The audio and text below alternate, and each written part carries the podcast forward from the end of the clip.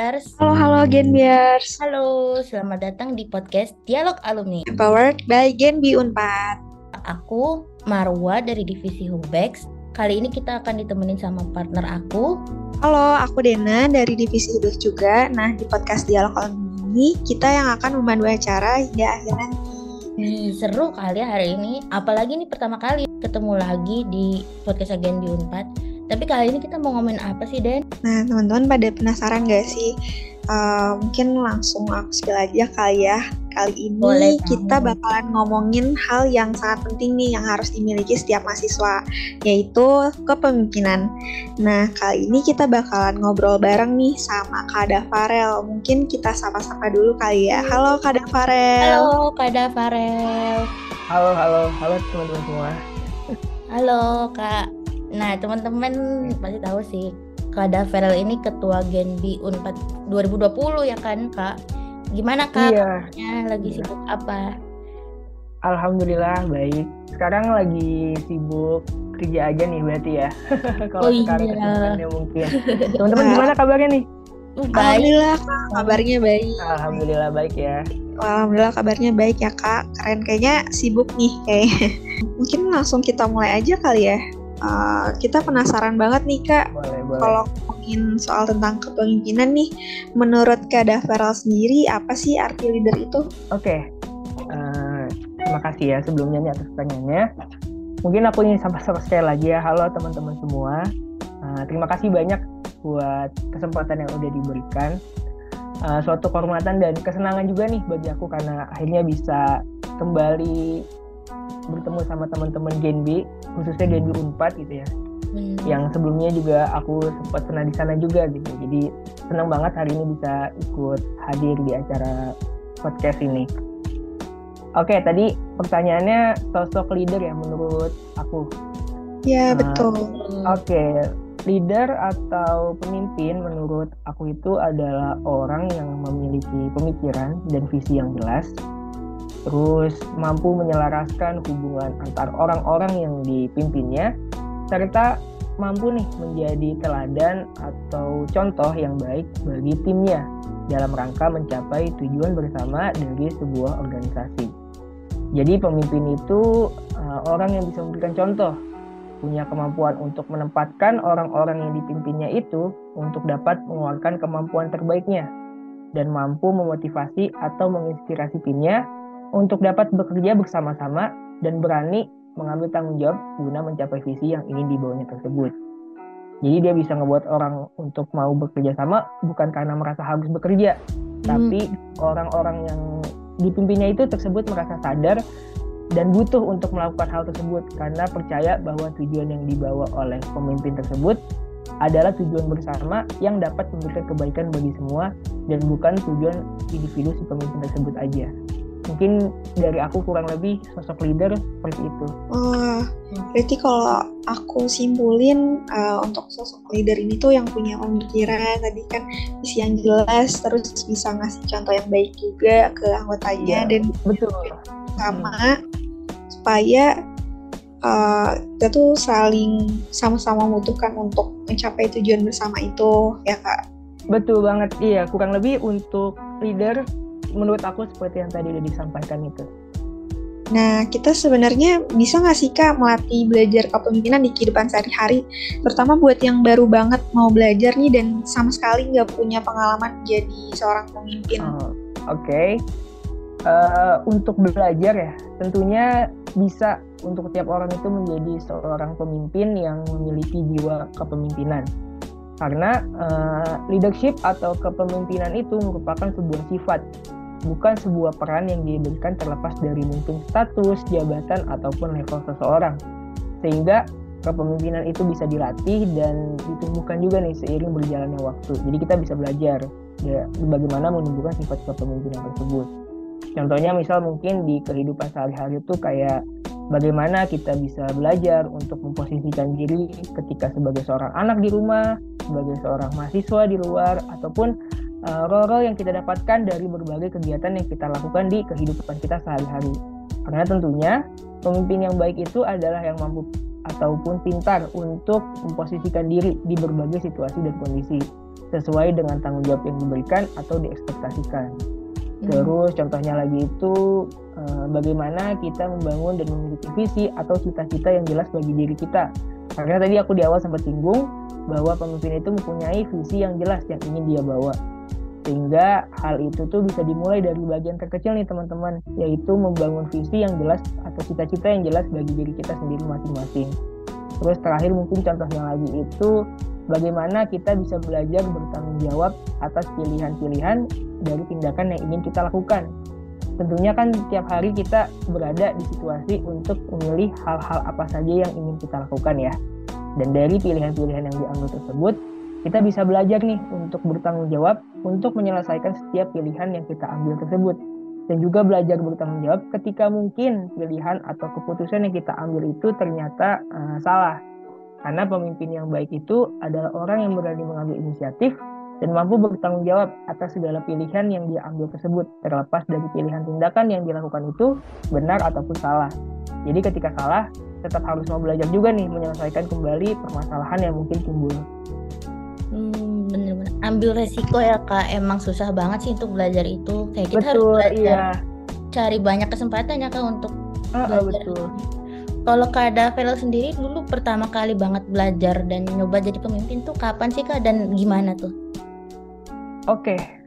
kalau dulu banget ya mungkin pertama kali belajar untuk mau mengambil peran lebih itu uh, sebenarnya alhamdulillah aku uh, waktu SMP, SMA dan mungkin dilanjutkan juga kuliah itu sempat aktif ya di berbagai organisasi gitu. Alhamdulillah diberikan kesempatannya gitu.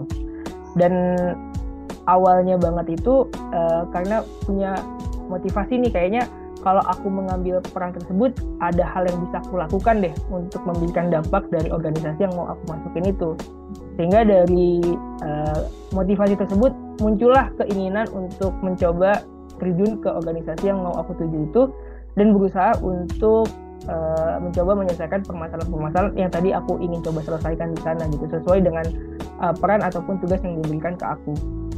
Karena ingin belajar juga sih nyari pengalaman ya. Karena kan kita dari pengalaman itu jadi belajar gitu tahu benar salahnya seperti apa.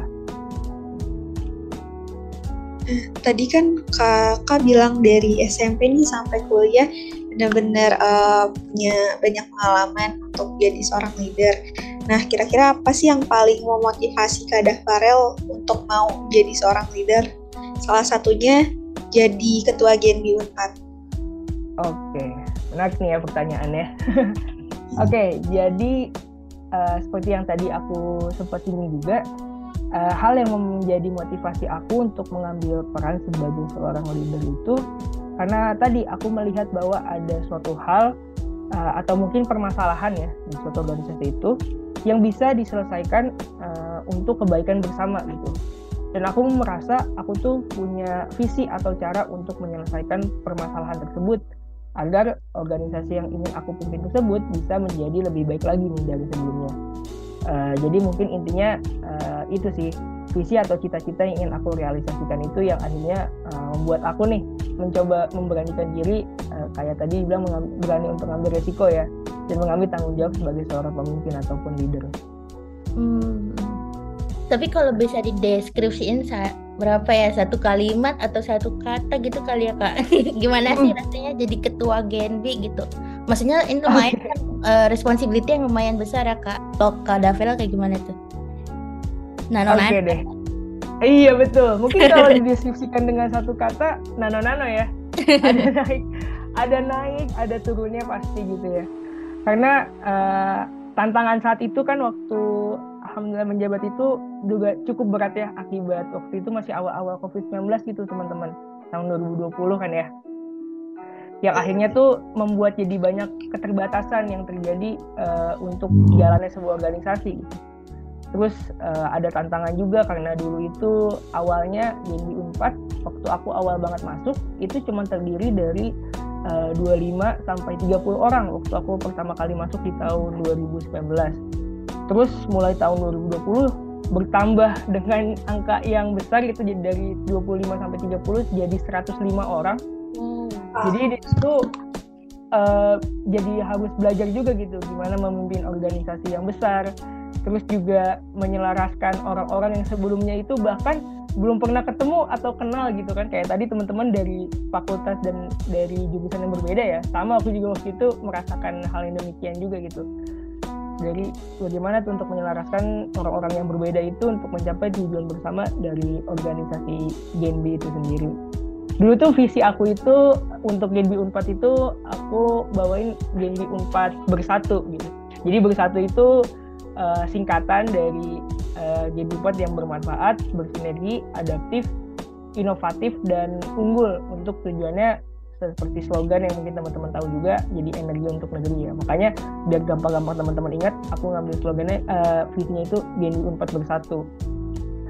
Tapi alhamdulillah dengan bantuan dan kerjasama dari semua teman-teman yang saat itu terlibat alhamdulillah satu periode itu bisa berjalan dengan baik gitu walaupun dengan segala macam lika-liku dan naik turunnya nano-nanonya tadi kalau dibilang ya dan mungkin bisa juga jadi menurunkan sebuah legasi yang baik untuk dicontoh dan diteruskan di kepemimpinan-kepemimpinan periode selanjutnya.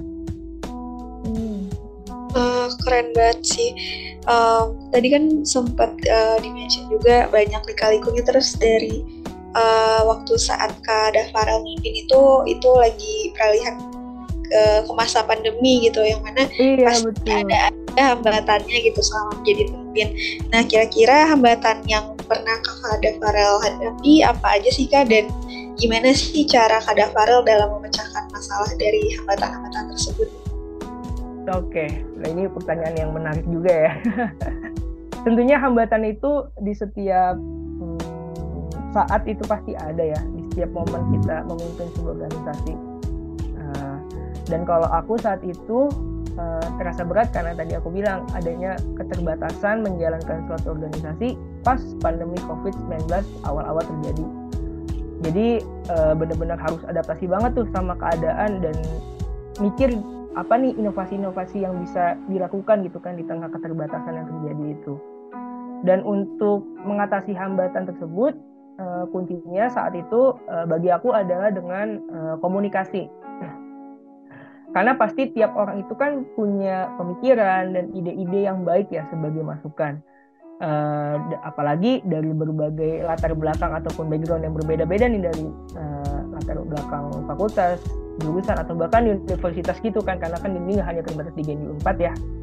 Itu dan sebagai seorang pemimpin uh, aku merasa kita tuh harus mau untuk belajar menerima masukan, kritikan, ide, pendapat dan lain sebagainya guna kebaikan dari suatu organisasi terlepas dari level jabatan siapa pun yang memberikan masukan tersebut jadi di situ aku belajar sih untuk banyak membangun komunikasi-komunikasi dengan tiap bidang, tiap divisi untuk mencari cara bersama bagaimana nih Game 4 ini untuk bisa tetap berjalan dan mencapai visinya.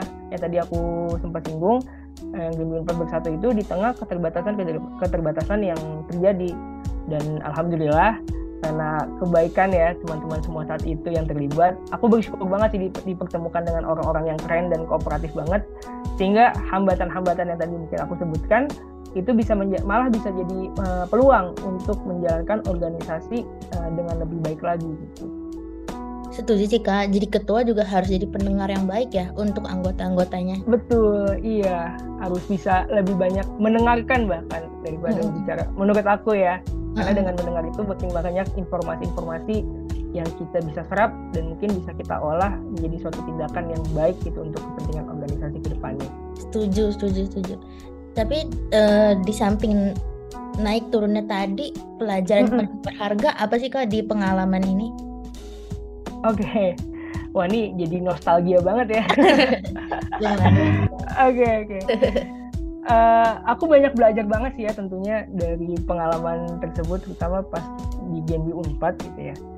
Uh, tapi yang mungkin paling berasa dan berharga ya, adalah uh, bahwa dari tadi uh, dari tiap keterbatasan atau mungkin hal yang kita lihat sebagai sebuah hambatan bisa jadi di balik itu uh, malah banyak keberkahan atau kebaikan yang bisa membuat organisasi yang kita jalankan itu bisa lebih baik lagi mungkin kalau nggak ada pandemi kita nggak akan bisa zoom meeting kayak sekarang nih ya kan ya, betul. ya, betul. harus ketemu ketemu dulu gitu kan di satu tempat atau bahkan ngejalanin sebuah acara itu uh, akhirnya dengan adanya pandemi ini kita jadi bisa menjalankan suatu acara yang sifatnya itu bisa nasional atau bahkan internasional gitu kan kayak pembicaranya di mana, terus pendengarnya di mana gitu kan ya atau narasumbernya di mana, terus juga pesertanya di mana, tapi tetap bisa bersatu di satu momen acara yang kita buat bersama gitu kan karena adanya pandemi itu hanya kita ada akselerasi teknologi dan lain sebagainya.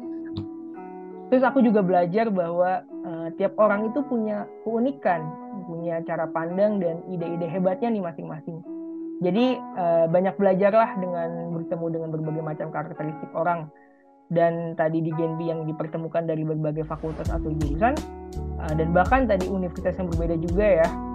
Aku jadi banyak mendapatkan perspektif baru sih untuk aku coba jalankan, baik untuk pribadi aku maupun untuk kepentingan organisasi nih yang lebih luas. Jadi uh, jangan selalu merasa udah paling hebat gitu ya atau paling tahu, tapi tumbuhkan sifat ingin terus belajar dan berbagi karena tiap harinya pasti permasalahan yang kita hadapi tentunya berbeda-beda dan butuh penyelesaian yang berbeda-beda juga. Jadi aku banyak belajar di dua hal itu sih untuk terus belajar dan komunikasi dan melihat hambatan itu mungkin sebagai suatu peluang gitu. Mm-hmm. Lumayan sih kayak pandemi ini banyak melahirkan inovasi ya kak karena online online ternyata iya betul ada jalan keluarnya. uh -uh, gitu kan bahkan sekarang jadi apa-apa bisa uh, dilakukan secara online ya kayak mm-hmm, meeting betul. ataupun misalkan belajar gitu ya ataupun mungkin untuk main gitu kan sekarang mungkin dari berbagai teknologi kita bisa jadi nobar bareng gitu kan yeah. ngobrol-ngobrol bareng dari walaupun dari jarak ataupun waktu yang memisahkan gitu kan ya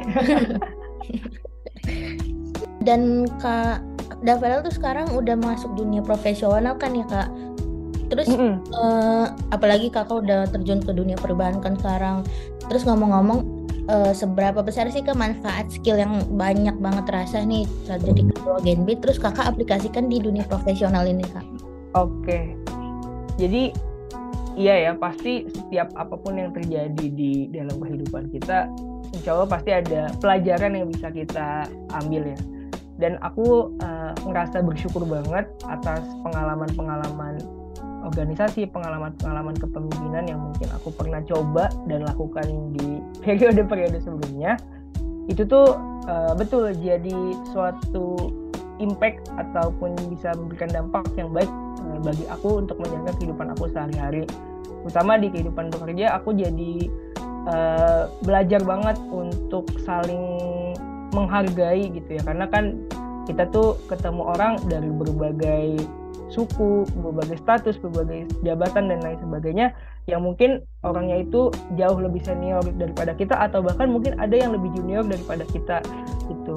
Dan dari pengalaman organisasi itu aku jadi belajar untuk bisa bertemu dengan banyak orang yang tadi aku sebutkan itu untuk uh, bisa membangun komunikasi-komunikasi yang baik, membangun uh, hubungan yang baik untuk terus uh, belajar gitu kan ya. Terus juga untuk uh, mencoba berani untuk mengambil tanggung jawab lebih ketika kita diberikan suatu kesempatan memberikan suatu uh, menjalankan suatu pekerjaan ya. Karena pengalaman tadi aku jadi lebih untuk siap gitu untuk lebih berani bahwa melihat uh, segala sesuatu yang dibebankan ke aku itu uh, harus aku lihat bukan sebagai suatu beban gitu ya tapi suatu peluang yang akhirnya aku bisa belajar untuk menjadi uh, orang yang lebih baik lagi gitu. Dan hal yang aku dapatkan di organisasi itu benar-benar jadi ngebuat aku merubah ya mungkin ya perspektif aku ya.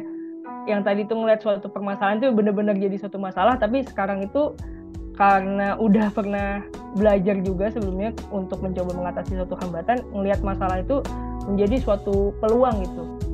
Di dunia pekerjaan ini apa nih yang bisa impact yang bisa aku berikan uh, terutama di pekerjaan yang sekarang aku lagi jalankan Wah, banyak banget ya Kak benefitnya yang didapatkan dari pengalaman leadership Kak Dafarel tadi selama bersekolah sampai berkuliah. Uh, kalau menurut Kak Dafarel, yang terpenting itu kunci utamanya jadi seorang leader yang baik itu seperti apa sih Kak? Oke, untuk kunci utama ya. Pastinya uh, banyak banget ya, dan setiap orang pasti punya versi dan pandangannya masing-masing. Uh, dan kalau menurut aku mungkin uh, tentunya kan kita uh, banyak hal yang harus kita asah tiap harinya ya untuk menjadi seorang pemimpin yang yeah. baik dan menurut aku kunci sebagai seorang leader atau pemimpin yang baik itu adalah hmm, yang pertama uh, memiliki visi atau cita-cita yang jelas. Hal ini penting banget karena dengan visi atau cita-cita yang jelas itu sebuah organisasi yang dipimpin bisa tahu end game yang ingin dicapai itu apa sih gitu. Hal ini tentunya yang jadi uh, motivasi untuk orang-orang di sebuah organisasi untuk mau bekerja sama dengan baik guna mencapai tujuan bersama yang dirasa penting tersebut. Karena kalau maaf, visi atau uh, tujuannya belum jelas, orang-orang yang dia pimpin itu malah jadi bingung nggak sih harus menempatkan dirinya seperti apa, sehingga nanti jalannya sebuah organisasi uh, malah jadi nggak bisa berjalan dengan baik gitu. Terus selanjutnya yang kedua, uh, menurut aku kuncinya itu adalah memiliki integritas dan pendiri, pendirian yang kuat. Dan hal ini juga sih yang aku belajar ya tadi mungkin aku lupa untuk singgung. Uh, dengan aku belajar berorganisasi sebelumnya atau belajar untuk menumbuhkan sifat kepemimpinan se se dari sebelum-sebelumnya itu, uh, aku merasa untuk menjadi seseorang itu harus punya integritas ataupun pendirian yang kuat uh, bagaimana kejujuran itu bisa selalu melekat di tiap ucapan ataupun tindakan yang dilakukan. Uh, terus uh, pemimpin itu juga harus memiliki pendirian yang kuat, di mana pendirian yang kuat itu menjadi suatu value nih atau nilai lebih yang bisa dilihat oleh orang lain itu. Sehingga orang-orang yang kita pimpin itu bisa merasa bahwa oh kita nih emang sosok yang tepat untuk memimpin mereka uh, akhirnya hal itu yang membuat seseorang jadi punya motivasi di organisasi bahwa mereka ada bukan untuk harus bekerja tapi tumbuh kesadaran dan keinginan untuk menjadi bagian dari organisasi untuk mencapai tujuan bersama yang diinginkan. Uh, terus yang terakhir mungkin uh, kuncinya adalah saling menghargai, uh, terus dapat menjadi contoh dan mau untuk uh, terus belajar karena pemimpin yang baik menurut aku adalah yang bisa menghargai orang-orang yang dipimpinnya tersebut. Dia itu bisa apresiatif atas segala bantuan-bantuan atau perspektif-perspektif yang diberikan dari organisasi yang dipimpinnya tersebut, terlepas dari besar kecilnya kontribusi yang diberikan orang-orang yang dipimpinnya. Bisa hmm. menerima masukan, kritikan, dan saran yang diberikan atau ditunjukkan untuknya untuk kebaikan organisasi itu juga penting banget menurut aku terus mau untuk jadi contoh atau role model yang baik di setiap ucapan dan perbuatannya. Jadi eh, nggak uh, hanya modal nyuruh doang nih, tapi mau untuk terjun bersama menyelesaikan setiap permasalahan-permasalahan yang dihadapin. Dan terakhir itu mau untuk terus belajar dan tumbuh secara bersama-sama dengan organisasi yang dipimpinnya itu untuk menjadi pribadi yang lebih baik lagi terlepas dari dan dengan siapa uh, seseorang pemimpin itu belajar atau mendapatkan uh, perspektif baru tersebut. Insya Allah mungkin uh, hal-hal itu ya yang bisa jadi uh, kunci ataupun masukan untuk kita bisa jadi leader yang baik yang nggak hanya untuk diri kita tapi juga leader dengan contoh yang baik untuk bagi orang-orang di sekitarnya. Oke, berarti uh, untuk kuncinya itu ada visi, terus integritas, tadi yang kuat, saling hmm. Menghargai, mau belajar, jadi yang jadi contoh yang baik untuk anggotanya dan tumbuh bersama, gitu Betul. kan ya. Hmm. Oke, ah uh, kira-kira nggak ini nggak sih Kamarwa udah nggak kerasa kita udah ada di ujung acara nih Oh, Alhamdulillah. sebelum kita tutup nih, ada nggak sih kak quotes atau closing statement uh, yang mau Kak Farel sampaikan buat pendengar teman-teman Gen Beers di sini nih? Oke. Oke, uh, mungkin kalau closing statement dari aku, uh, terima kasih banyak untuk kesempatan baik yang udah diberikan.